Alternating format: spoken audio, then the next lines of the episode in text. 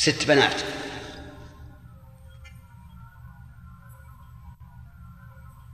بنت بنت إلى بنت بنت.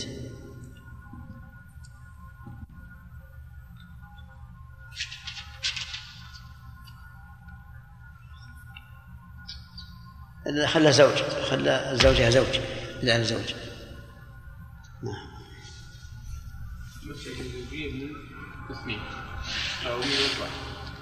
للتخيير ولا بمعنى بل؟ إيه بمعنى بل. طيب. من أربعة. واحد. نعم. ويبقى ثلاثة. مسألة الرد. الرد من ستة من عدد الروتين نعم. كل واحدة واحد. طيب.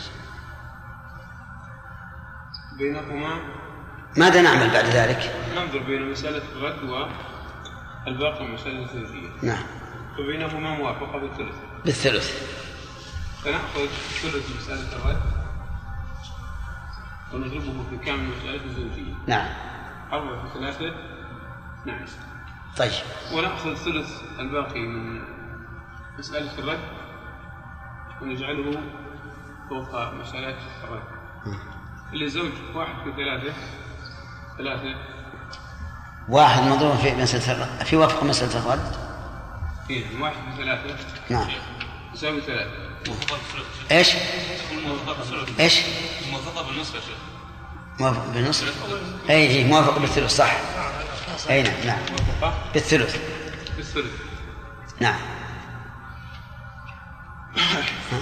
ما زال خطأ كيف؟ خطأ. كيف؟ اثنين يا إيه بالثلث هذه ما هي بثلاثة وستة؟ اي بس ثلث اثنين.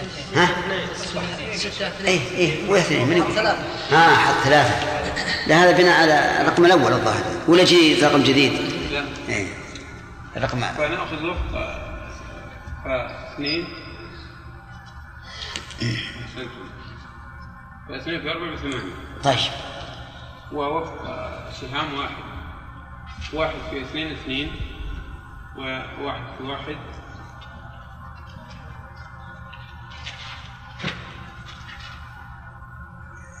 اثنين ثلاثة أربعة خمسة ستة سبعة صح إذا أخذنا موافقة ومباينة وإيش؟ إيش؟ وانقسام طيب إذا انقسم ما بقي بعد فرض الزوجية على مسألة الرد هل نحتاج إلى عمل مسألة ثانية؟ لا. كزوجة وثلاث بنات. ما حاجة إذا باين كزوجة وخمس بنات نعم إحنا قلنا كزوج و... نعم كزوجة ثلاث بنات زوج وثلاث بنات أو زوجة وسبع بنات هذا منقسم. إذا وافق كهذه المسألة نردها إلى وفقها. إذا باين آه، نضرب كامل مسألة الرد بكامل مسألة الزوجية. طيب أظنها سهلة الآن. واضح يا جماعة؟ سهلة. ما شاء الله. نأتي عاد إلى ذوي الأرحام.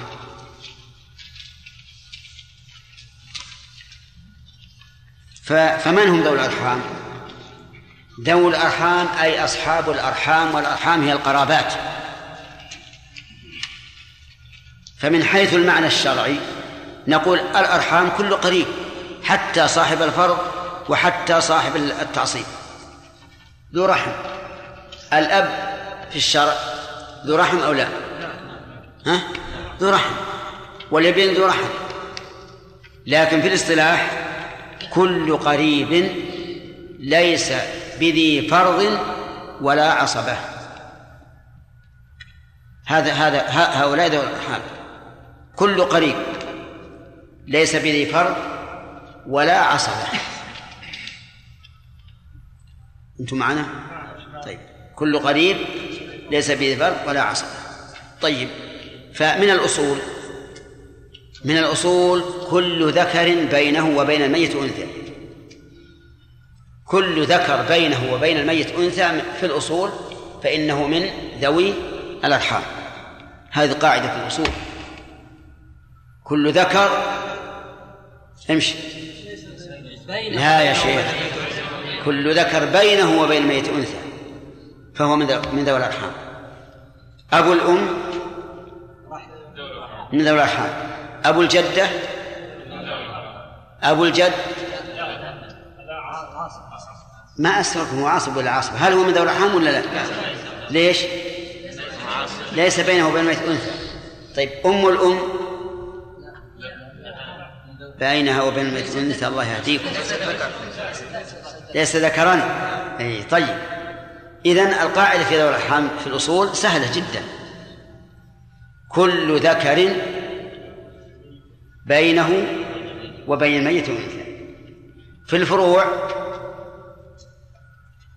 في الفروع كل من أدلى بأنثى. ولا كل ذكر كل من أدلى بأنثى. من الفروع فهو من ذوي الأرحام. قاعدة واضحة. كل من أدلى بأنثى فهو من ذوي الأرحام. ابن البنت. الله يرحم حالك ابن البنت من ذوي الأرحام؟ ليش؟ طيب نأتي بمثال آخر. بنت البنت. ليس من ذوي الأرحام. أخونا يقول ذوي الأرحام ليش؟ أدلت بأنثى. ولهذا نقول كل من أدلى ما قيدنا في ذكر.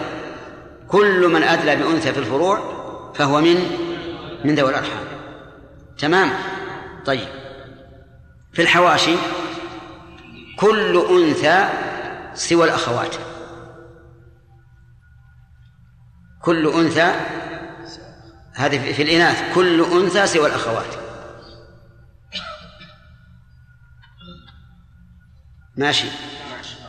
ثانيا كل من أدلى بأنثى كل من أدلى بأنثى.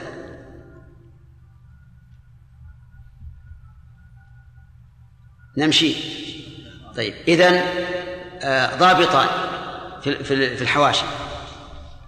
ما هما؟ كل أنثى سوى الأخوات. كل أنثى سوى الأخوات. كل من أدلى بأنثى سوى الإخوة من الأم. كل من أدلى بأنثى سوى الإخوة من الأم.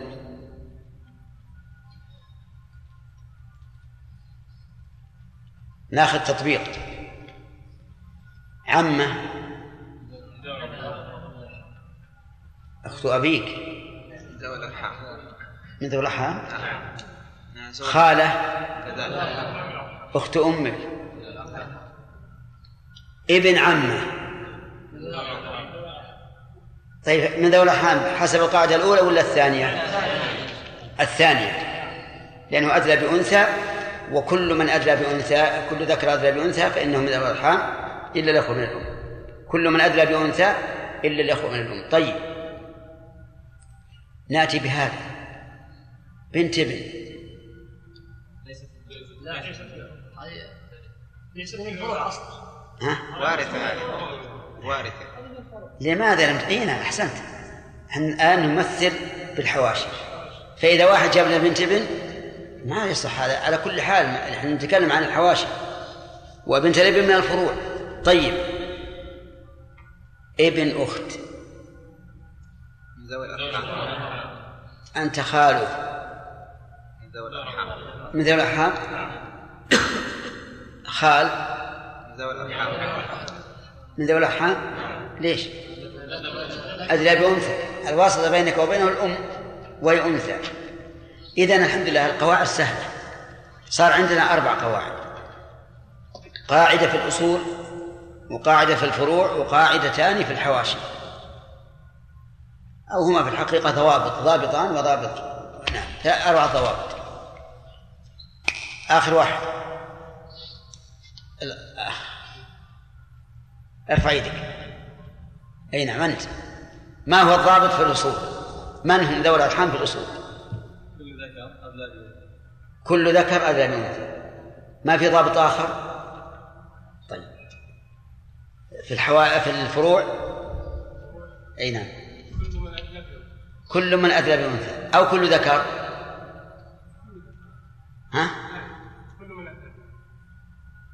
أو كل أنثى ادلت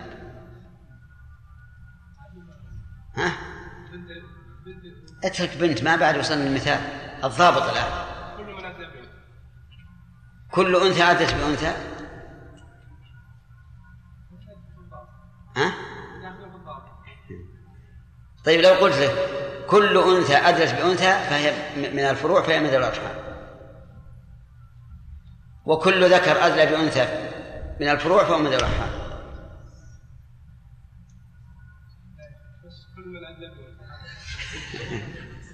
وش تقولون؟ صحيح كلاهما صحيح.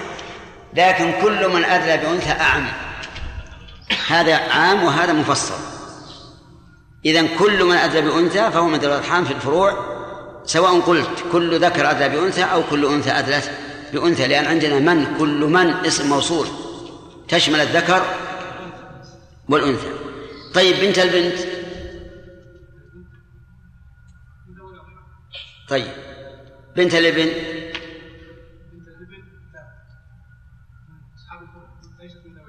ليش؟ لم تدري بأنثى تمام. طيب. آه، في الحواشي. نجاري ها؟ لا لا هذا اللي على الجدار ها؟ إيش؟ خرجت ورجعت اخر آخر ما قرأنا عقب رجوعك آه، ذكرنا الضوابط. خير إن شاء الله. ما أريد أن أحلفك لأن ما حاجة. نعم سمير. الضابط في الحواشي.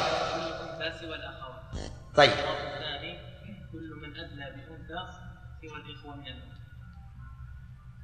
سمعتم؟ كل أنثى سوى الأخوات. كل من أدلى من الأنثى سوى الإخوة من الأم. طيب العمة الأخ. ما تقول في العمة؟ من ذوي الأرحام ولا إيش؟ العمة. أخت أبيك. ها. في أي ضابطين تدخل؟ وهو.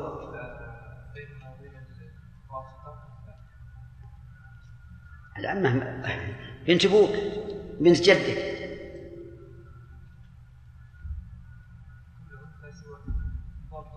أي بالضابط الأول. كل أنثى سوى الأخوات. طيب. بنت العم. لك السؤال ها. من ذوي الأرحام؟ ليش؟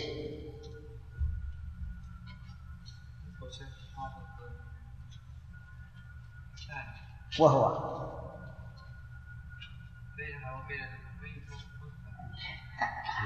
العم هو أنثى؟ عمك أبوه رجل له أولاد؟ هذه بنت من بناته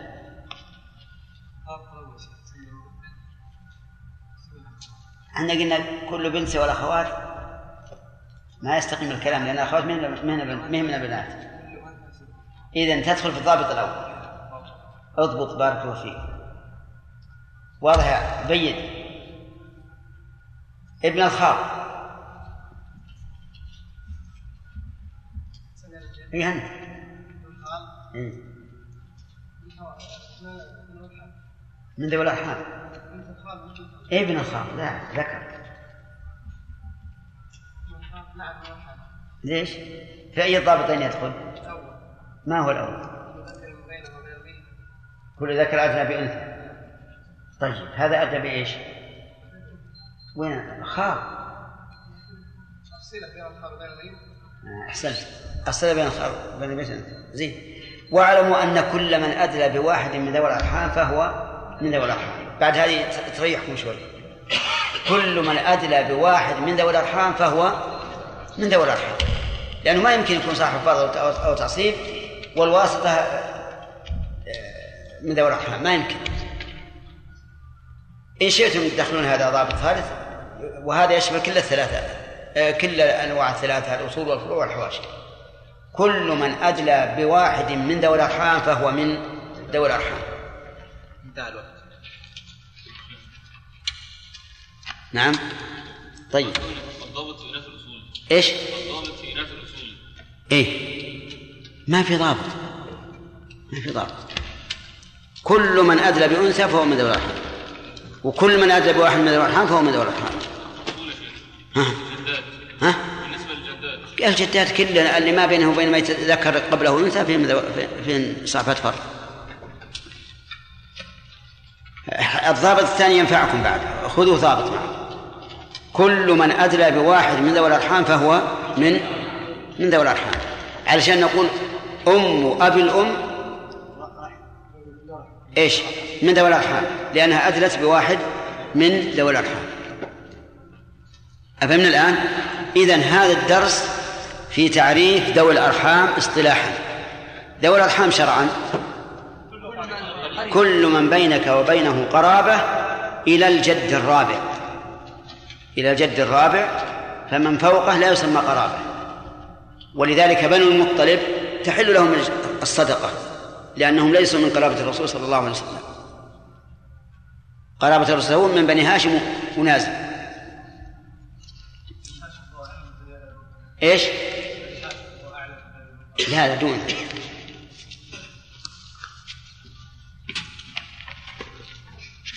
لكن ترى أنت فهمت ابن عبد المطلب. لا عبد المطلب هذا قالوا إنك عبد للمطلب اللي هو فوق هاشم. عبد المناف. باقي خمسة الخمسة الأخيرة. باقي ثلاثة الآن. نعم. أيهن أي نعم. القرابة؟ نعم. هذا هذا في الصلة. في الصلة. أيهن. كيف ثلاثة في موافقة النص؟ ما هو بالنصف يا أخي؟ بالثلث هم أنا عدلنا عن النصف. هو بالأول حل على النصف وبعدين قالوا هذا خطأ وقلنا صح الثلث اثنين. ثلث الست كم؟ إيش فيها اثنين فوق الأربعة ضربت بها. أما المراد بذوي الأرحام فهو ذوي التعصيب والسهام وقد أتى في إرثهم خلاف للعلماء وهم أصناف. أربعة كولد البنات وساقط الأجداد والجدات وولد الأخت وكالعمات وكبنات العم والخالات. وفيه مذهبان إلى النجابة والراجح التنزيل والقرابة نعم. بسم الله الرحمن الرحيم. باب ذوي الأرحام. أولا نسأل من ذوي الأرحام اصطلاحا في باب الفرائض؟ يلا. أجب أنا؟ أنت. ال- الأرحام ما هو بنت هذا من من يرث بلا فضل ولا تعصب لا. خطأ. كل قريب كل قريب لا يرث بالفضل ولا التعصيب إيش؟ كل قريب إيه. لم يرث بالفضل ولا التعصيب يعني نوعا ما. ها. وكل قريب ليس أحسنت. كل قريب ليس بذي فرض ولا عصبة. ذكرنا أمس أربعة ضوابط الأول اللي على الجدار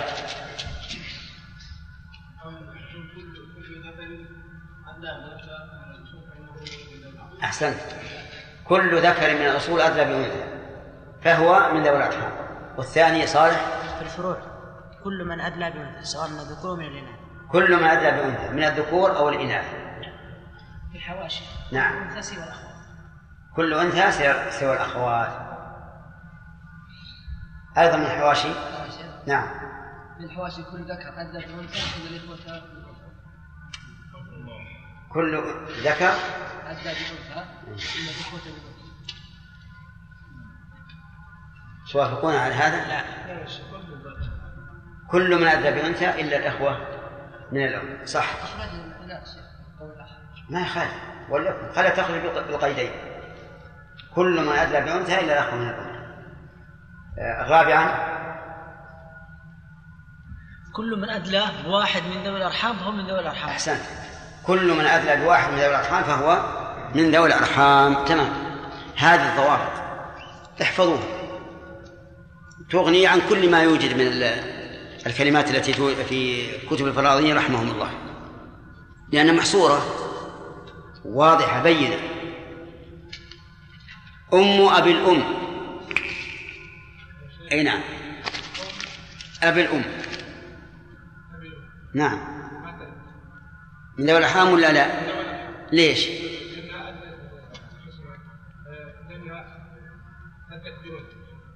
لا يا شيخ. أبوها ذكر أبوها ذكر هذه أمه لأنها أدت من ذوي الأرحام ها.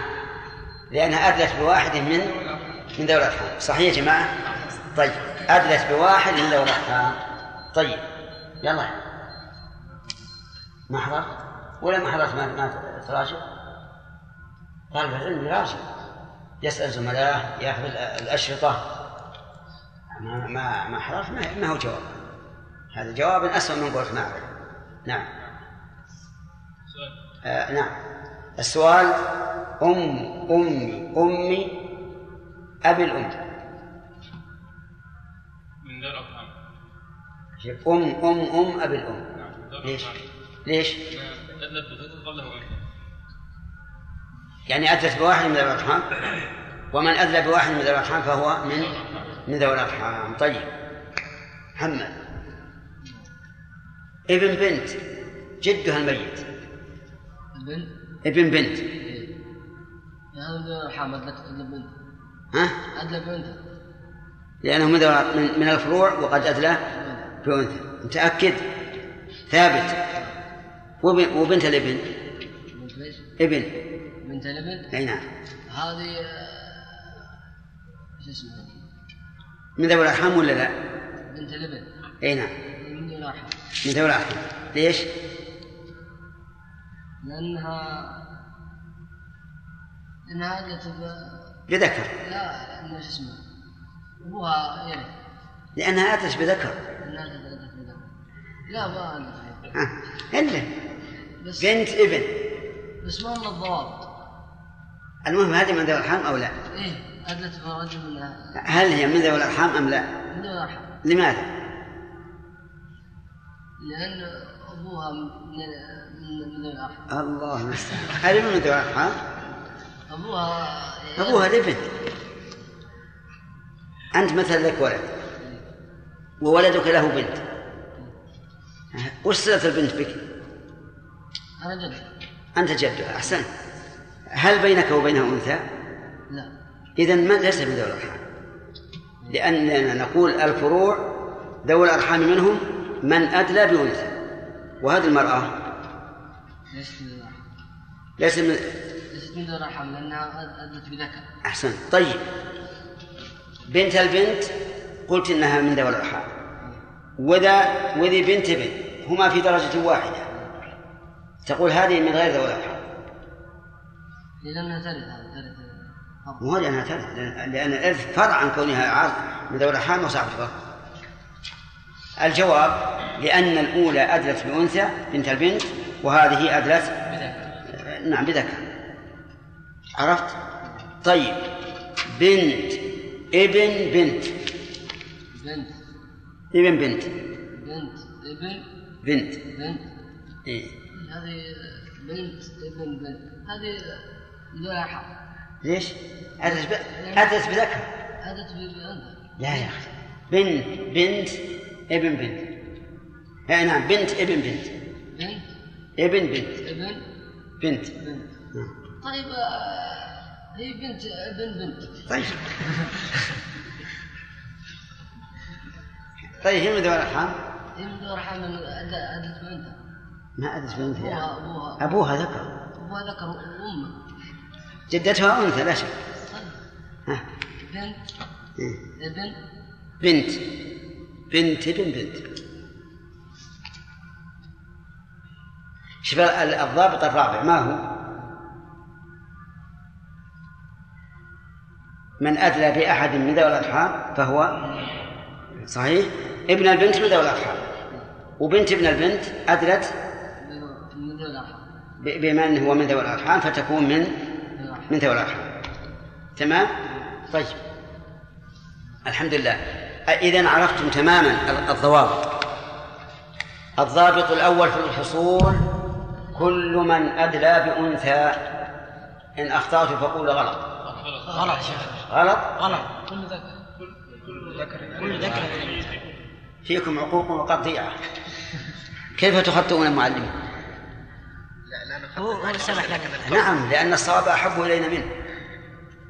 طيب إذا ماذا نقول في الأصول؟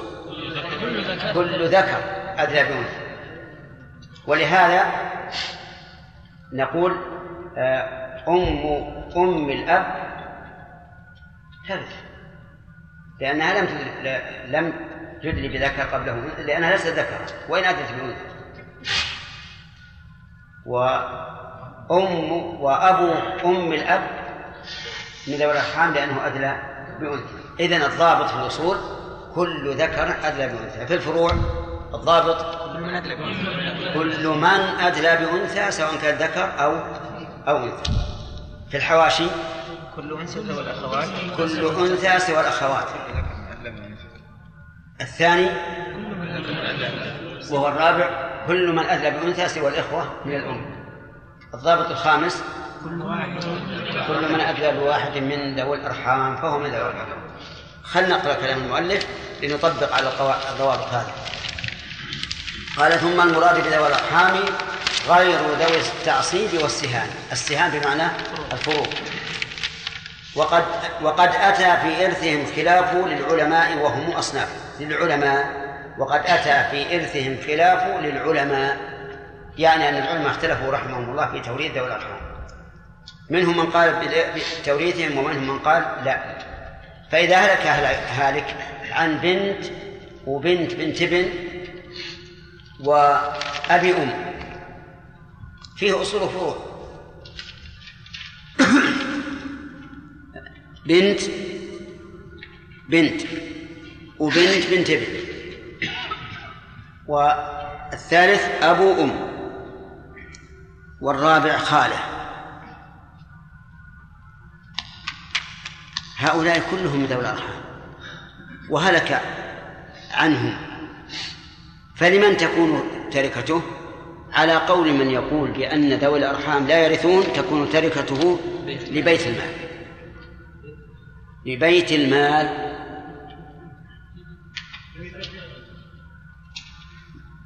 لبيت المال.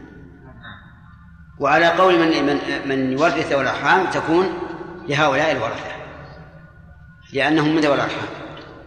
والصحيح أن ذوي الأرحام يرثون. إذا لم يوجد صاحب فرض ولا تعصيب. إلا الزوجين فإنهم أي ذوي الأرحام قد يرثون مع الزوجين لأن الزوجين لا يرد عليهما. فلو هلك هالك عن زوجة وبنت بنت فللزوجة كم؟ الربع. لا. زوجها الربع. زوجة وبنت بنت. الربع الربع. فللزوجة الربع. غير غير وارد الربع لأن بنت البنت ما ترث. فلا تنقص الزوجة شيئا. والباقي لبنت البنت فرضا وردا. وعلى قول من يقول بأنهم لا يرثون يكون الباقي لبيت المال. المهم أن الصواب أن ذوي الأرحام يرثون لقوله تعالى وأولو الأرحام بعضهم أولى ببعض في كتاب الله. ولا شك أن أن ذوي الأرحام من الأقارب. وإذا جعلناه لبيت المال صار للأقارب والأباعد. بل ربما لا يكون للأقارب شيء إذا كانوا ليسوا من أهل المال من أهل بيت المال. أما على قول بالتوريث قال وهم أصناف أربعة. كولد البنات. في أي الضوابط يدخل ولد البنات؟ في ضابط الفروع وهو كل من أدلى بأنثى لأن قوله كولد يشمل الذكر والأنثى. فيكون فيكون بمعنى قولك كابن كأبناء البنات وبنات البنات. وهو من وهو داخل في قولنا في الضوابط. كل من أدلى بأنثى وساقط الأجداد والجدات. من ساقط الأجداد؟ ساقط الأجداد كل جد بينه وبين الميت أنثى هذا هو ساقط الأجداد. كل جد بينه وبين الميت أنثى فيدخل بالضابط الثاني وهو ضابط الأصول. وهو كل ذكر إيش؟ أدلى بأنثى. طيب. إذا من ساقط الأجداد؟ كل جد. بينه وبين ميت وأنثى مثاله أبو الأم. ساقط ولا غير ساقط؟ ساقط. أبو أم الأب. أبو أم الأب فكر بينه وبين الميت؟ أنثى. طيب. أبو أم الجد. ساقط. وقول. والجدات من الساقط من الجدات؟ أذكرها لكم. الساقط من الجدات أولا كل جدة أدلت بذكر قبله أنثى كل جدة أدلت بذكر قبله أنثى كأم أبي الأم. كأم أبي الأم؟ صح؟ كل جدة أدلت بأب قبله أنثى. كأم أبي الأم. في أي ضوابط تدخل؟ لا. في الخامس من أدلى بواحد من ذوي الأرحام فهو من ذوي الأرحام. هذه أدلت بأب الأم وأبو الأم من ذوي الأرحام فتكون هي من ذوي الأرحام. طيب هذه واحدة من الجدات السواء. ثانيا من أدلت بأب أعلى من الجد. من أدلت بأب أعلى من الجد على ما ذهب إليه الحنابلة. أدلت بأب أعلى من الجد. كأم أبي أبي الأب.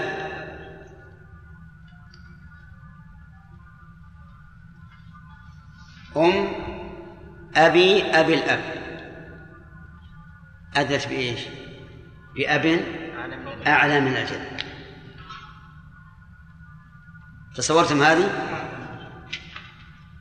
كل جدة أدلت بأب أعلى من الجد كأم أبي أبي الأب. أقولها الثالثة. كل جدة أعلت بأب إيش؟ أعلى من الجد. مثل أم أبي أبي الأب. هذه من الأرحام أيضا على مذهب الحنابلة. الثالثة كل جدة أدلت بأب أعلى من الأب. يعني بالجد فمن على؟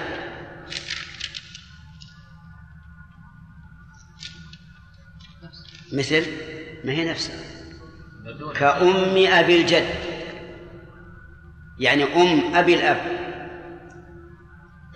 فهي من ذوي الأرحام على مذهب الإمام مالك وليست من ذوي الأرحام على مذهب الإمام أحمد بن حنبل. كم صرنا؟ ثلاث عدنا يا أخوان. أي أنت؟ من جاء بأم فوق أبي الأب. إيش؟ يعني أم أب أبي الأب. لا لا لا تجيب المثال. عطنا الضابط. قالت كل جدة أدلت أدلت بأم أعلى من. أعني من طيب. عطنا الضابط الأول إحنا ذكرنا ثلاث ضوابط. أبي الضابط الأول عشان تجمع الترتيب. سمير. كل جدة أدلت بذكر قبله أنثى. مثال. كأم أبي الأم. علل.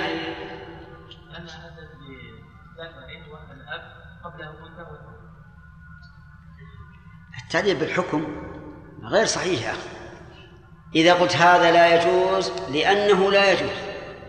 هذا تعليل لا.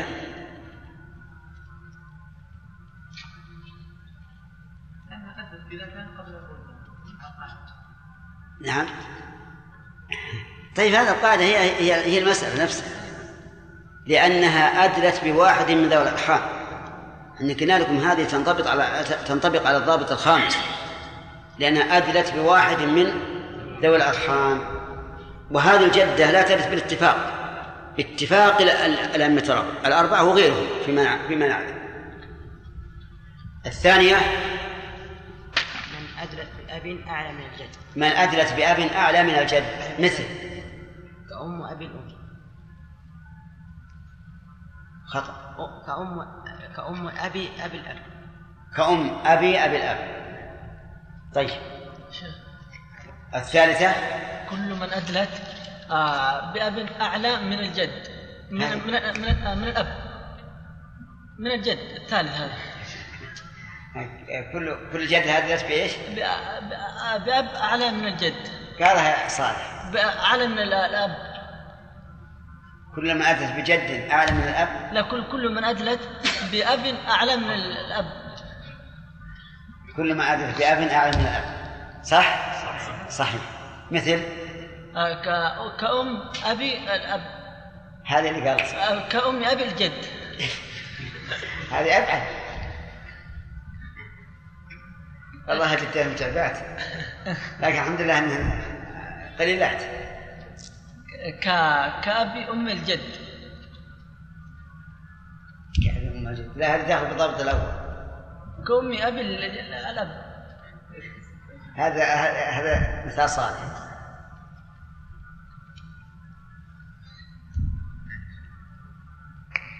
محمد؟ كأمي أبي الأب. كأم أبي الأب. يعني أم الجد. طيب. هذه الأخيرة على مذهب من؟ على مذهب مالك. والأولى اللي قبلها على مذهب الإمام أحمد. وهاتان الجدتان عند الشافعي من الوارثات من ذوي الفروض. فالشافعي رحمه الله ليس عنده جدة ساقطة إلا إيش؟ من أدلت بأب قبله أنثى. فإن هذه من ذوي الأرحام وما عداها فإنها وارثة لا ساقط وما ذهب إليه الشافعي رحمه الله هو الصواب. وقد مضى هذا من قبل. وبينا لكم أن الجدات كلهن وارثات إلا من أدلت بذكر قبله أنثى. طيب. إذا قول المؤلف قول المؤلف وساقط الأجداد والجدات. عرفنا ساقط الأجداد من؟ كل جد بينه وبين الميت أنثى. ساقط الجدات ثلاثة أصناف. الصنف الأول من أدلت بذكر قبله أنثى وهذا متفق عليه. الصنف الثاني من أدلت بأب أعلى من الأب. يعني بالجد فما فما على وهذا على مذهب من؟ مالك الثالثة من من أدلت بأب أعلى من الجد وهذا على مذهب الحنابلة رحمهم الله والصواب أن هذين الأخيرين ممن يرث بالفرض وليس من ذوي الأرحام طيب يقول وولد الأخت ليش بعد الأخت؟ يدخل في أي الضوابط؟ ضابط الحواشي ما هي؟ كل من أدلى بأنثى. طيب. وولد الأخت وكالعمات. يدخل بضابط الحواشي. ما هو؟ كل أنثى سوى الأخوات. وكبنات العم. يدخل في الحواشي. ما هو الضابط؟ كل أنثى سوى الأخوات. وكالخالات. أيضا في الضابط الثاني وهو كل أنثى سوى الأخوات. وكالخ... وفيه مذهبان. هذا محط الفائدة. هو ذكر رحمه الله أمثلة تدل على ضوابط لكن ما ذكرنا من الضوابط أحسن وأوضح. وهي خمسة. ولا لا؟ نعم خمسة. طيب. وفيه مذهبان ذا النجابة والراجح التنزيل للقرابة فيه أي في توريث والأرحام مذهبان. على الخلاف الأول. الخلاف الأول هل يرث ذوي الأرحام أو لا يرثون؟ والصواب إيش؟ الخلاف الثاني هل يرثون بالتنزيل أو بالقرابة؟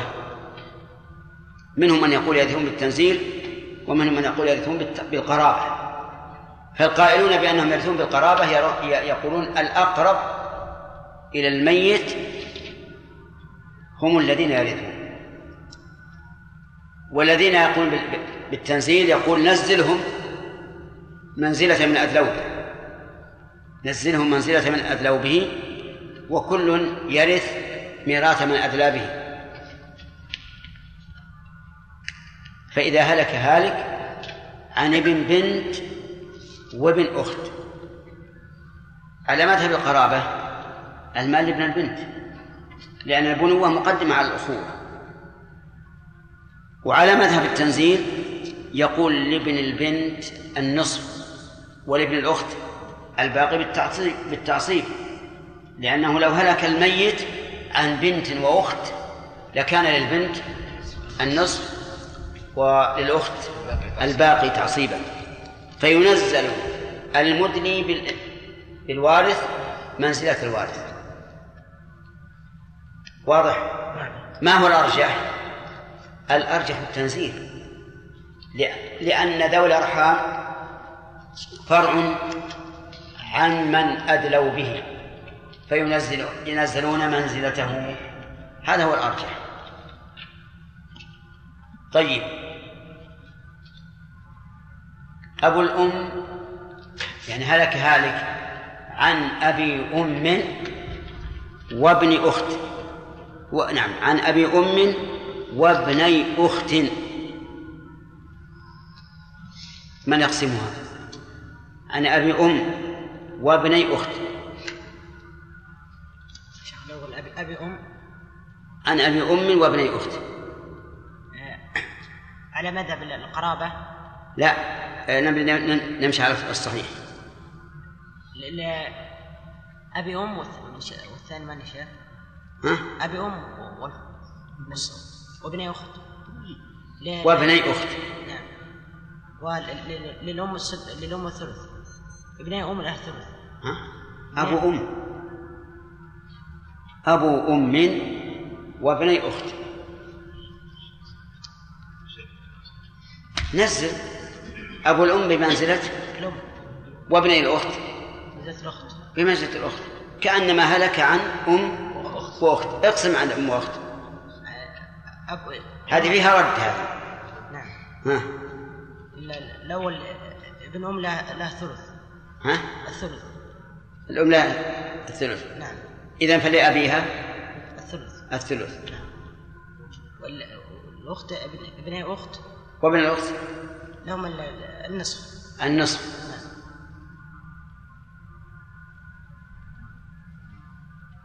طيب. صح.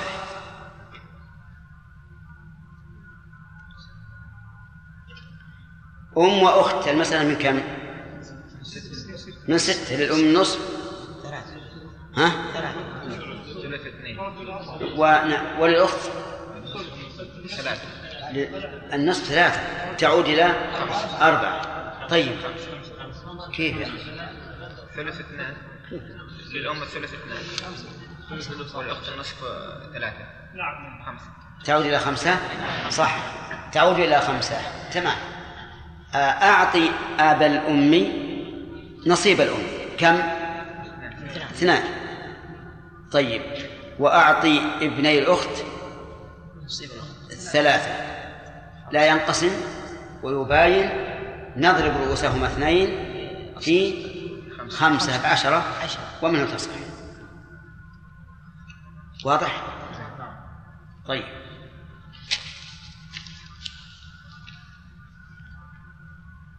آه، هلك هالك عن ثلاث عمات متفرقات وثلاث خالات متفرقات. إبراهيم. ثلاث عمات متفرقات وثلاث خالات متفرقات.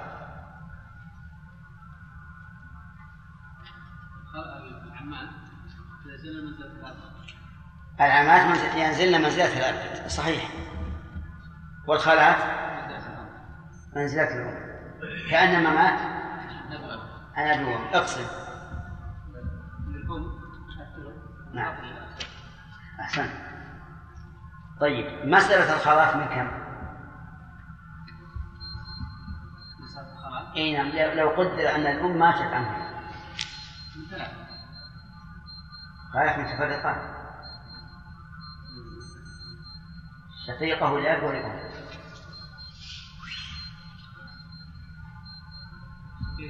ولأب ولأم شقيقة لها النص من كم المسألة؟ فيها الرد هذا. من كم؟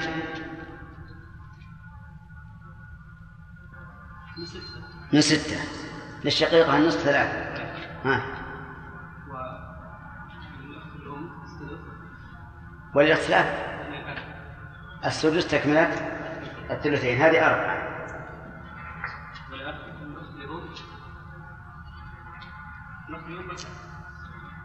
ليه؟ الأخت الأم على السدس لا لا سدس تعود إلى؟ إلى خمسة. طيب. العمات المتفرقات عمة شقيقة وعمة لأب وعمة لأم؟ كالأب. آه، كأن الميت كأن الأب مات عن أخت شقيقة وأخت لأب وأخت لأم. من ستة. آه. نعم. وال- كيف؟ العمة العمة الشقيقة. النص ثلاثة. نعم. والعمة لها السدس اثنين الثلثين نعم. واحد. والعمة لأم لها السدس أيضا. وتعود إلى خمسة طيب أحسنت. آه، والمسألة ال- الأولى؟ ال- لا أصل من ثلاثة. آه، الأم والأب من ثلاثة. وهذه مسألتهم من خمسة وخمسة متماثلات. نكتفي بواحد ونضرب خمسة في ثلاثة. خمسة عشر. لل- للخالات خمسة وللعمات عشرة. الخالات خمسة لكل واحدة واحد. والعمات عشرة لكل واحدة اثنتان اثنان. طيب. هلك هالك عن ابن أخ لأم وابن أخت شقيقة. وابن أخت شقيقة. وابن أخ شقيق.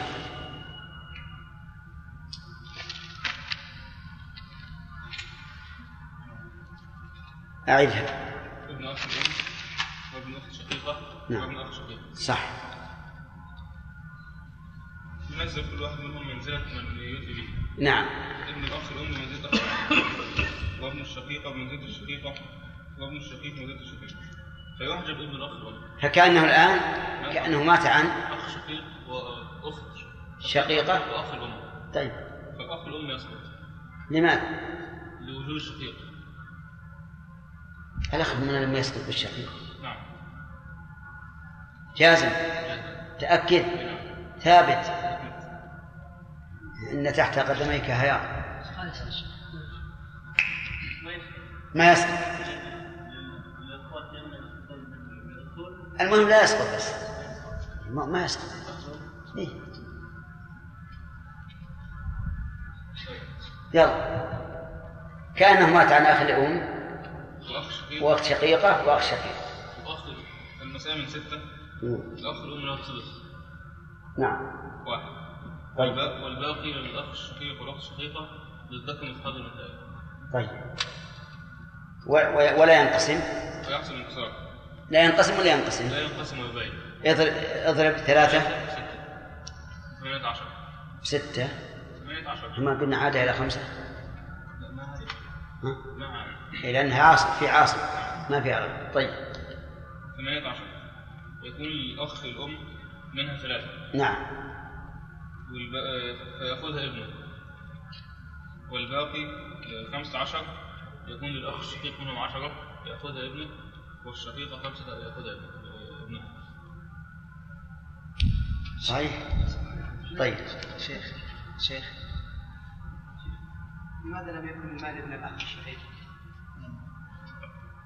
إحنا قلنا ابن أخ شقيق. نعم ابن أخ شقيق. أو بنت أخ شقيق. لا ابن أخ شقيق. يأخذ كل شوف اللي عندك شوف المكتوب. ابن أخ شقيق. لا أجل غلط الحل غلط لأن ابن أخ الشقيق المال خلي بنت أخ شقيق. ما ما في مانع. الحمد لله. ما دام المسألة تصوير في كل شيء بيدينا. طيب إذا الحل على ما ذكرت. طيب ابن أخت شقيقة. مثلا ابن أخ الأم وابن أخ شقيقة وبنت أخ شقيق. هذه. صحيح.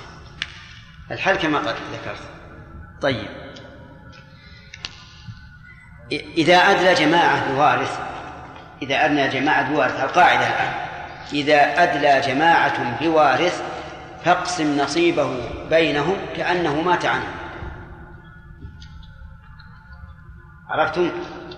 إذا أدلى جماعة بوارث فاقسم نصيبه كأنه مات عنهم. اقسم نصيبه عليهم كأنه مات عنهم. فإن سقط بعضهم ببعض فأسقطه. وإن لم يسقط فورثهم جميعا. فثلاثة أبناء بنت. ثلاثة أبناء بنت. نجعلهم منزلة البنت فيأخذون ميراثها ثم يقسم ميراثها بينهم. إيش؟ كأنها ماتت عنها لو ماتت عن ثلاثة أبناء صار مالها صار مالها بينهم على ثلاثة. طيب. وبنت بنت وبنت ابن بنت. بنت بنت وبنت ابن البنت المذكورة هذه. يعني هلك هالك عن بنت بنت. وبنت ابن للبنت نفسها.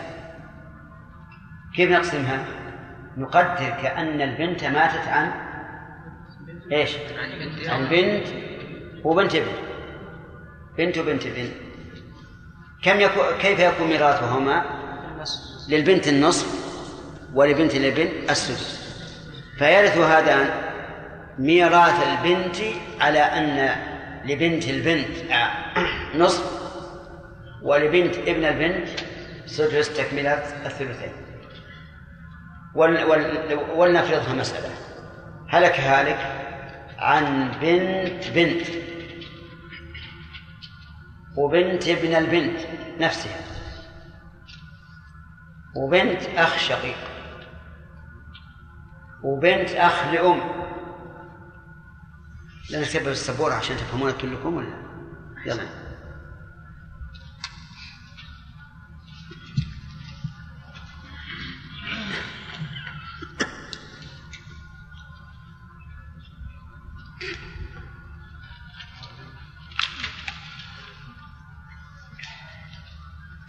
شوفونه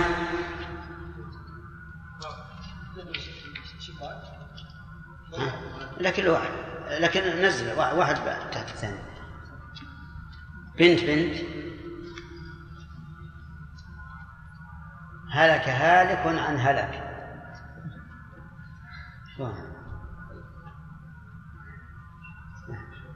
لا يقول يقول فرة.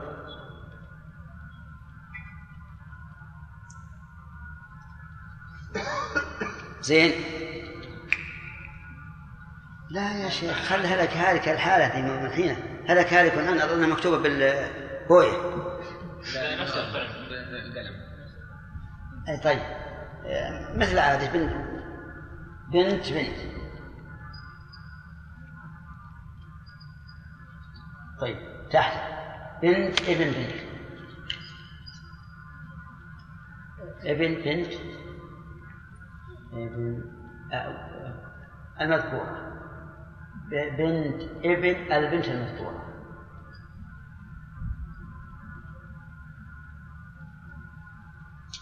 طيب. بنت أخ شقيق.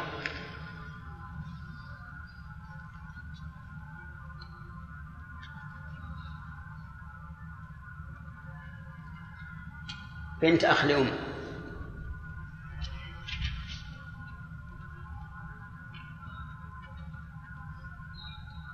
بنت أخ لأب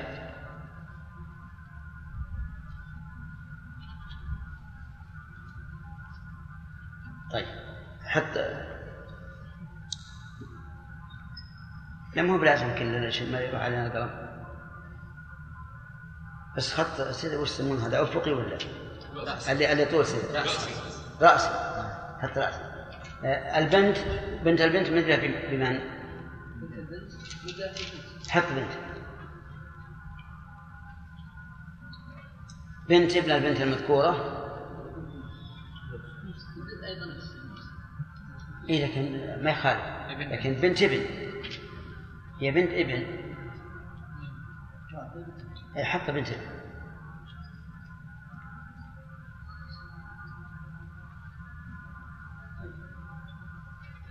إيه حط الشقيق نفس البنت ها؟ نفس البنت. اي نفس البنت. لأنه يختلف لو كان بنت أخرى نعم. خلنا نبني خلنا نعم. أخ لأب. شوف، اقسم المسألة على- بهم. من كم المسألة؟ أصبر من كم المسألة؟ من كم المسألة؟ حط ست منها ثلاثة البنت على نصف ثلاثة والبنت الناس تكون الثلثين واحد نعم كم؟ طيب بنت الأخ لأم ما لا من يسقطها؟ طيب. وبنت الأخ لأب الأخ شقيق. أحسنت. إذا بنت الأخ لأم وبنت الأخ لأب ما ترث لكن يختلف ال- الحاجب. بنت الأخ لأم يحجبها من؟ إيش؟ بنت البنت لأنها مدة بفرع من الفروع والفرع يسقط الأخ من الأم وبنت الأخ لأب يسقطها من؟ بنت الأخ الشقيق لأنها مدلة بالأخ الشقيق والأخ الشقيق يسقط الأخ لأب طيب تمام ها؟ منقسم الحمد لله بس شيخ إيش؟ الآن بنت بنت وبنت ابن البنت المذكورة. نعم. يعني يكونوا الاثنين بنت البنت وبنت ابن البنت. إزاي بنت واحدة. زين. طيب. بنت واحدة يكون لها ثلث- نصف. النصف. عشرة أربعة. ثلاثة. ثلاثة. هل الحين هذا الاثنين مدين صحيح مدين بالبنت. نعم. للثنتين ثلاثة من ستة. والأخ والأخ الشقيق له ثلاثة من ستة صحيح. صحيح. ما قال الأخ سامح صحيح. إذا القسم خطأ. الآن بنت البنت وبنت ابن البنت المذكورة ينزلون في أصل الميراث منزلة بنت لكنهما يرثانها ميراث بنت وبنت ابن. يعني إحنا الآن أعطينا ال- ال- الثنتين كأنهما أصليتان وهما فرع عن البنت والبنت كم لها؟ لها النصف ثلاثة. واضح؟ نعم. يعني ميراث بنت البنت وبنت ابن البنت من البنت صح للبنت النصف ول- ولبنت الابن؟ الثلث كما الثلثين لكن هما لا يستحقان ثلثين. إنما يستحقان النصف لأن أمهما تستحق النصف. فنعيد القسم من جديد. يلا. نعم. ان حطيت ابن ابن صار عاصب وحجبهم كلهم. شيخ لما الشيخ كلمة الموت تفضل تفضل. على مذهب القرابة صحيح هذا. إيش؟ على مذهب القرابة. إيش؟ على مذهب القرابة لا. لا لا بالتنزيه. مختلف التنزيه. إيه. إذا نقول البنت بنت البنت وبنت ابن البنت المذكورة. يرثون ثلاثة من ستة. وحينئذ ما يحتاج أن نصل من ستة من اثنين.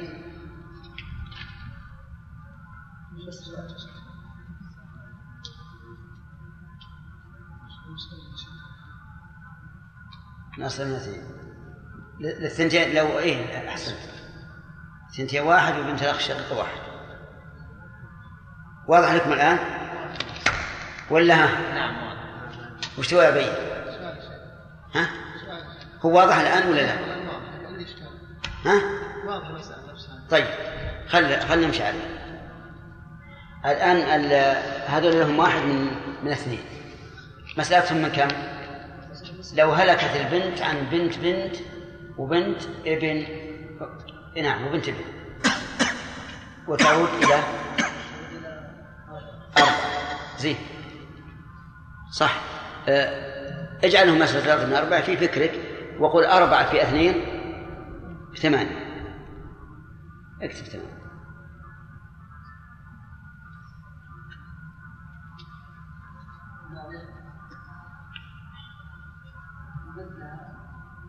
لا أربعة.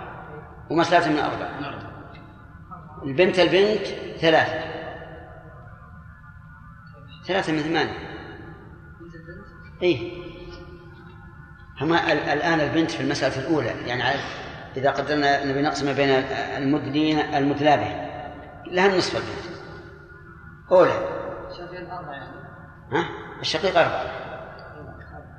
والبنت لها أربعة. البنت النصف ثلاثة والبنت ابنها السدس. عادة إلى إلى إلى إلى أربعة. لها واحد. المهم واضح. خلونا نفهم هذه. عشان نجعل قاعدة قاعدة نركز عليه واضح. الآن؟ طريقة الحساب شيخ طريقة الحساب ثمانية أربعة طيب بارك الله فيك.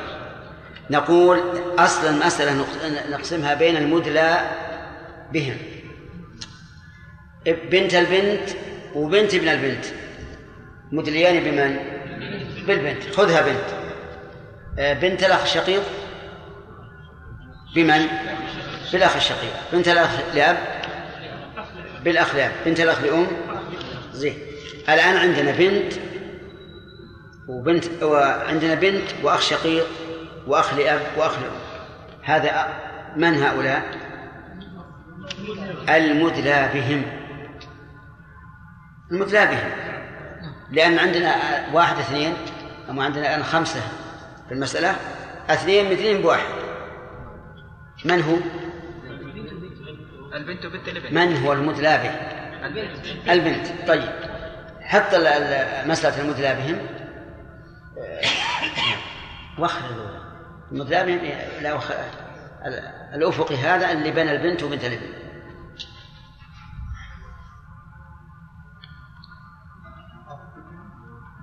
ولا؟ إيه. لا خلى ما بعد وصلنا القسم الأخوان يقول ما فهمنا كيفية الإدلاء الآن شوف البنت وبنت الابن عبارة عن عن بنت عبارة عن بنت فهمت؟ اشطب على بنت وبنت ابن حط حط- حط بدلهم بنت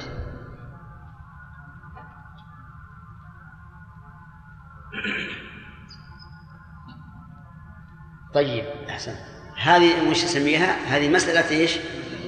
المدلى بهم أي حط بين المدلى بهم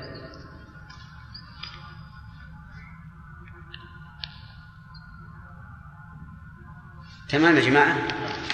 كم عدد المدلى بهم الآن؟ والمدلين خمسة. ليش هذا؟ لأن اثنين من المدلين قد أدليا بواحد. ظاهر يا جماعة؟ زين. اقسم الآن مسألة المدلى بهم من كم؟ من اثنين. حط للبنت. إيه و ورا حقنا إيه لا. علامة ما لهم شيء. عرفنا الحين؟ المسألة من اثنين. طيب مسألة البنت التي أدلى بها اثنان. من كم؟ من ستة وتعود إلى أربعة. كيف من ستة وتعود إلى أربعة؟ لأنه لو هلكت البنت عن بنت وبنت ابن. لورثاها كالآتي. المسألة من ستة للبنت النصف ثلاثة ولبنت الابن السدس واحد تكملة الثلثين. فتعود المسألة إلى إلى أربعة. زين؟ فعادت المسألة الآن إلى أربعة. ماذا نعمل؟ نضرب مسألة البنت ال- اللي هي أربعة في مسألة ال- ال- الأولى المدلى بهم. أربعة في اثنين ثمانية. أربعة في اثنين ثمانية. طيب هذه ثمانية. نقول البنت لها واحد في أربعة. لها من مسألة المدلى بهم. لها واحد في أربعة كم؟ في أربعة تقسم على ورثتها لبنتها ثلاثة ولبنت ابنها واحد. آه، بنت الأخ الشقيق لها أرب... له واحد في أربعة في أربعة يكون لها لأن أباها له واحد من مسألة ال- المدلى بهم تمام؟ تمام. زين. بقينا بنت الأخ لأب. سقطت. من أسقطها؟ بنت الأخ الشقيق. بنت الأخ لأم من أسقطها؟ البنت. البنت. لأن آه، الأخ من الأم مع البنت لا يرث شيئا حيث أن البنت من الفرع الوارث ولا ميراث له من الأم مع الفرع الوارث. نعم. عمر. لو نحن مسألة عمات شيخ. إيش؟ اي تكون أوضح لا لا الآن هذه واضحة ما في عندنا لو كان هنا بنت بنت ابن ما تصح الأولى كيف؟ بنت بنت ابن هذا بنت بنت الابن ما ترث لأن لأن بنت البنت أقرب للوارث منها. لا لا هي هو بالتنزيل. بالتنزيل ينزلون منزلة من أدلوا به لهم حق البنت النصف.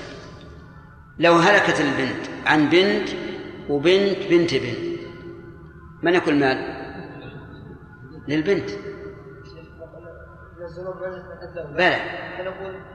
بنت آه. بنت بنت. لا لأن هذه بنت أن تقول بنت بنت بنت. بنت بنت إيه. بنت بنت طيب إذا هلكت امرأة عن بنت وعن بنت بنت ابن كيف يكون ميراث؟ لماذا يعني قربنا هذه وما قربنا هذه؟ أصلا إحنا نزلنا نزل نرفع ال- الورثة شيئا فشيئا طيب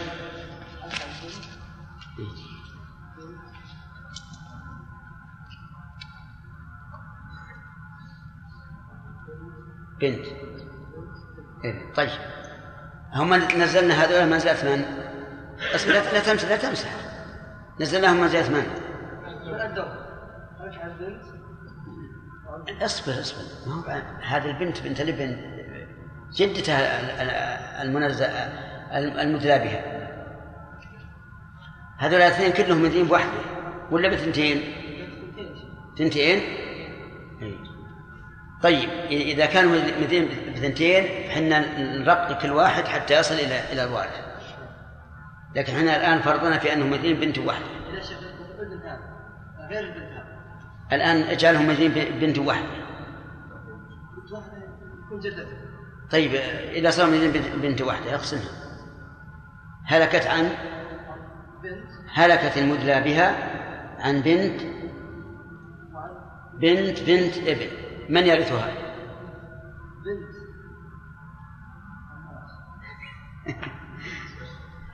الآن حنا قلنا هذول الاثنين مدين بواحد.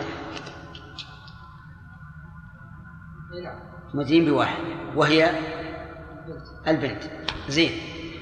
اقسم نصيب المدلى به على المدلين البنت للبنت النصف. اقسم النصف كأن البنت ماتت على على الاثنين ذلك. عن بنت وعن بنت بنت؟ ما تأخذ شيء تأخذ البنت نعم. فرض ورث فرض ورث إذا ما له شيء هذا. لكن لكن لو كان بنت بنت ابن أخذ أخذ السدس تكملة الثلثين. غير ذي.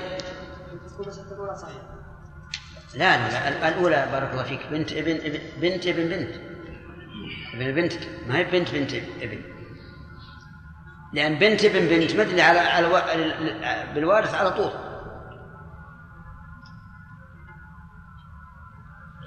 طيب. هذه أنا كنت أظن الميراث ذوي الأرحام سهل. اصلح.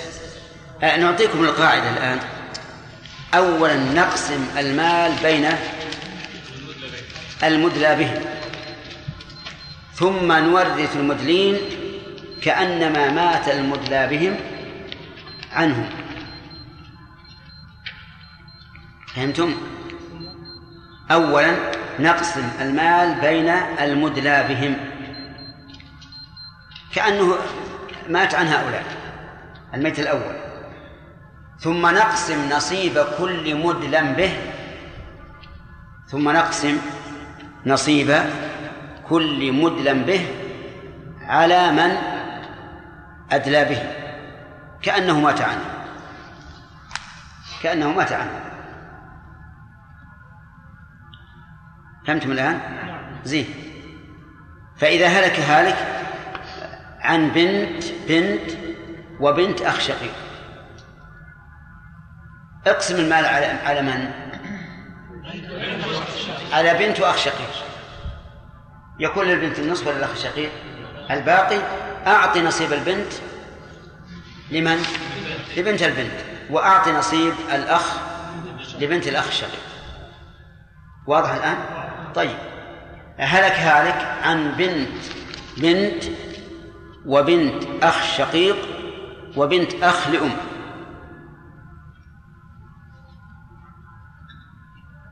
ماذا نعمل؟ أول نقسم المال على المدلى بهم نقسم المال على المدلى بهم كأنه مات عن بنت وأخ شقيق وأخ من أم كيف تقسم؟ للبنت النصف وللأخ الشقيق الباقي تعصيبا وللأخ وللأخ الأم السدس. من أسقطهم؟ البنت. أحسن. إذا ابن الأخ لأم أبعد. لأنه أدلى بغير وارث. ابن البنت أعطيه النصف. بنت البنت أعطيها النصف. وابن البنت أيضا ما يخالف كل واحد إيه، بنت البنت النصف. بنت الأخ شقيق. الباقي. وهكذا. المهم أن نعرف القاعدة. إذا جاءك ذوي الأرحام فاقسم المال بين المدلى بهم كأن الميت مات عنه. ثم أعرف نصيب كل وارث واقسمه على من؟ على من أدلوا به. على من أدلوا به كأنه وارث كأنه ميت. فصار الآن ذوي الأرحام فرع عن عن غيرهم وإذا كانوا فرعا عن غيرهم ينزلون منزلته فاقسم المال أولا بين من أدلوا به أي من أدلى به ذوي الأرحام ثم أعطي نصيبه لمن أدلى به من ذوي الأرحام كأنه مات مات عنه. هذا القاعدة.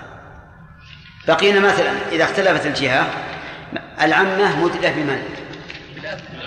قيل بالأب وقيل بالجد. قيل بالأب لأنها أخت أبيك عمتك. وقيل بالجد لأن الجد هو الذي يجمع بينك وبينها. ما هي النقطة التي تجمع بينك وبين عمتك؟ الجد ولا لا؟ صحيح.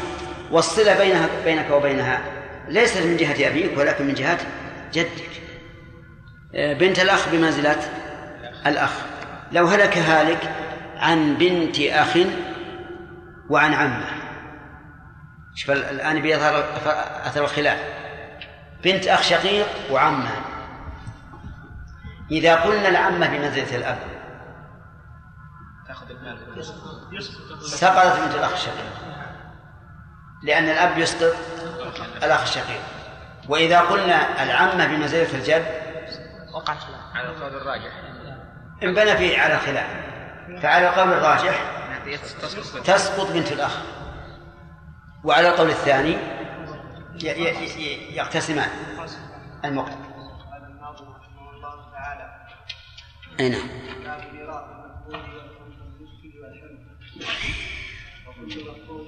وكل أشكل وحمل اليقين فيه عملا باب ميراث الأرقى ونحوهم وإن يكن جمع بشيء كالغرق ولم يكن يعلم عين من سبق فلا تورث بعضهم من بعض باختلاف لسواه لسواه الفقد هذا وما أوردته في هذا وما أوردته كفاية لطالب الفني وللعناية. فقد غدت أبياتها اثني عشر مع مئة مثل قلائل الدرر والحمد لله على التمام. ثم صلاته مع تمام.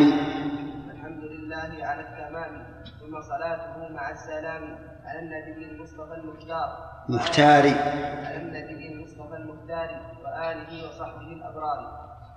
بسم الله الرحمن الرحيم. الحمد لله رب العالمين وصلى الله وسلم على نبينا محمد وآله وصحبه أجمعين. آه، ذوي الأرحام تقدم أنهم خمسة أصناف. اثنان في في الأصول والفروع. واثنان في الحواشي وواحد مشترك. أكذلك؟ طيب. في الأصول قل. في الأصول كل ذكر أدلى بأنثى. في الفروع إبراهيم؟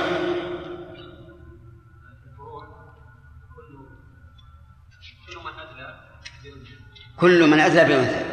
ذكرا كان أو أنثى؟ ذكرا كان مدلي أم أنثى؟ طيب في الحواشي؟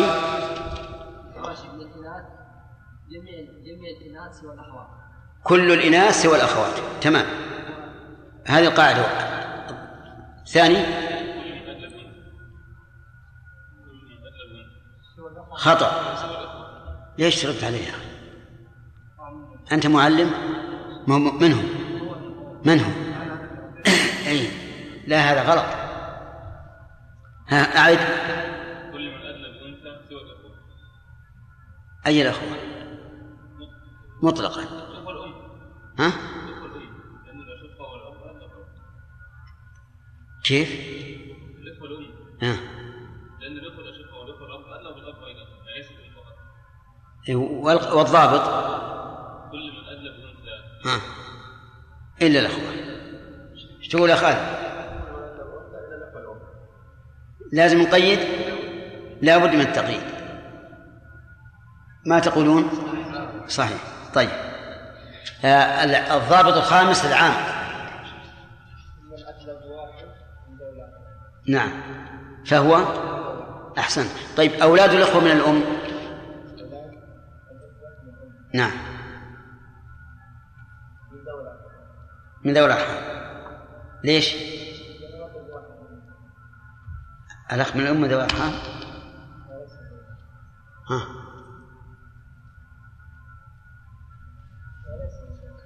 ليس من ذوي الأرحام طيب.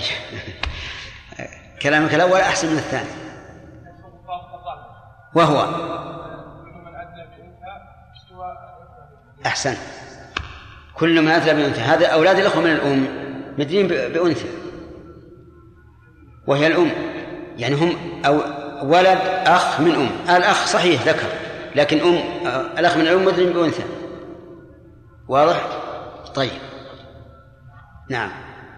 آه ذكرنا أن العلماء مختلفون كيف توريثهم وأن الصحيح الذي عليه العمل عندنا أنهم يرثون بالتنزيل. تمام.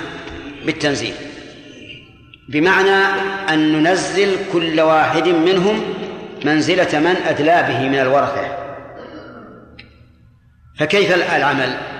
نقسم المال أولا بين المدلى بهم. كأن الميت مات عن المدلى بهم فقط. ثم نقسم نصيب كل وارث من المدلى بهم على من أدلوا به كأنه مات عنهم. واضح ولا لا؟ طيب هذه هذه القاعدة.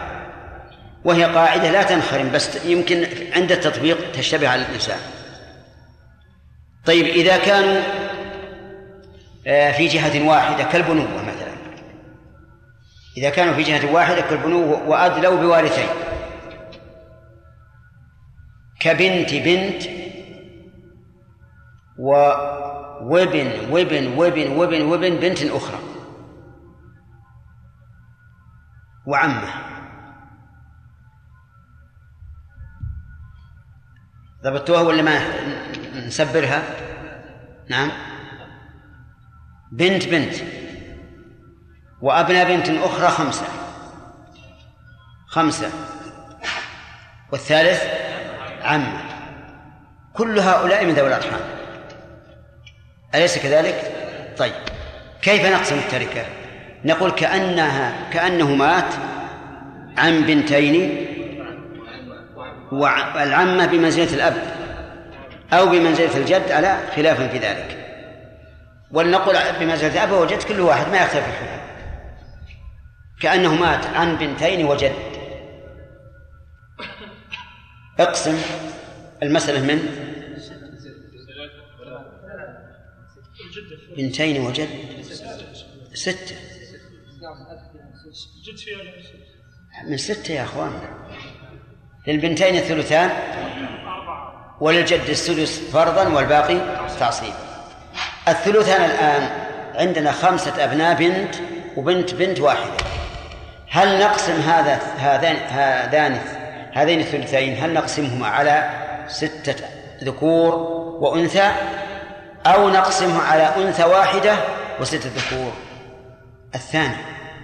فنقول الثلثان لبنت البنت نصفهما. الثلث. ولأبناء البنت الأخرى الثلث. شوف الآن صار بنات آه، خمسة أبناء وبنت واحدة. الخمسة والبنت هما سواء. يعني هم سواء في بمعنى البنت لها الثلث والخمسة الأبناء لهم الثلث. لماذا؟ لأن أم جدة لأن أمهما يرثان الثلث الثلثين كذلك. آه. واضح الآن؟ ولا فيها شيء؟ واضح. طيب. آه بنت بنت وخمسة أبناء بنت بنت بنت بنت. وخمسة أبناء بنت بنت أخ شقيق.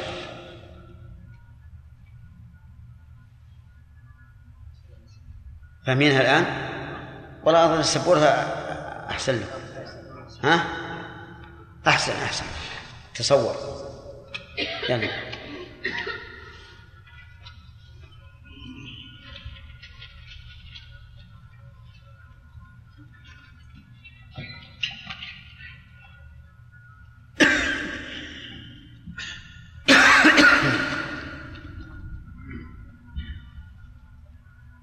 نعم. بنت بنت. بسم الله. خمسة أبناء بنت بنت إيه خ... ما خالف. أبناء بنت بنت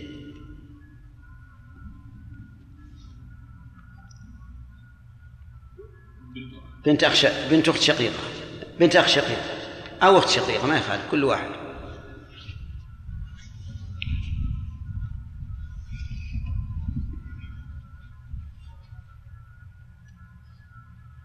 هل هؤلاء كلهم من ذوي الأرحام؟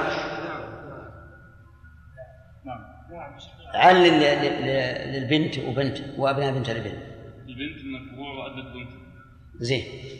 وكذلك أبناء بنت الابن أيضا من الفروع وأدوا بنت تمام. بنت الأخ الشقيق من الإناث الحواشي ولا يرث من وكل إناث الحواشي من ذوي الأرحام كل الأخوات تمام. ماشي. بنت ال... بنت البنت منزلة البنت. نعم. وخمس أبناء بنت ابن منزلة بنت الابن. وبنت الأخ الشقيق. الشقيق. زين. حط الماء. حط حط. بس هو لا ما ما لازم يا شيخ. تقضي تقضي القلم وإحنا ما إحنا محتاجين خلي اللي راح راح يعفى الله عما طيب. أكتب اكتب بنت اي عشان نعرف بنت بنت. شقيق. ترى هذه قاف أحسن. أخسر لك يلا. اقسمها.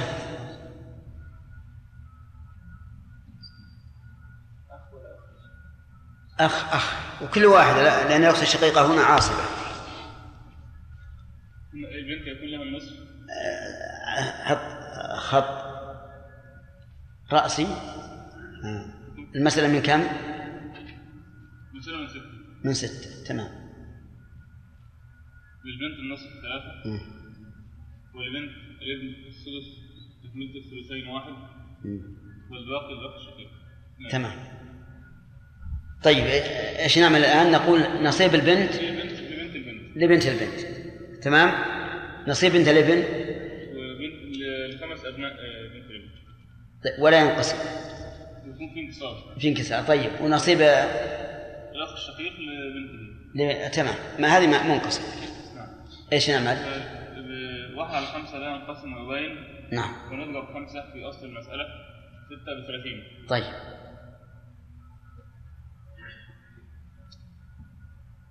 ويكون لبنت البنت ثلاثة خمسة خمسة عشر. واللي وخمس أبناء بنت الابن واحد خمسة خمسة لكل واحد واحد. طيب. واللي بنت الأخ الشقيق اثنان خمسة عشر صح. تمام؟ الآن فهمنا نمشي للي بعده؟ ها؟ متفق عليه؟ ولا فيكم الضعيف وذا الحاجة؟ واضح يا جماعة.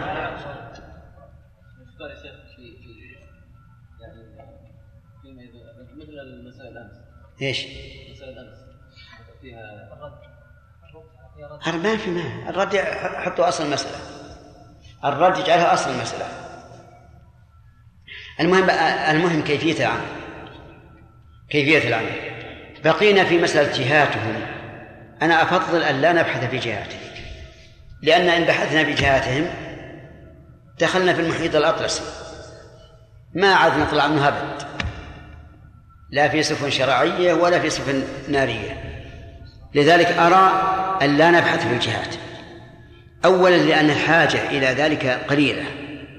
ذوي الأرحام وقوع وقوعهم قليل.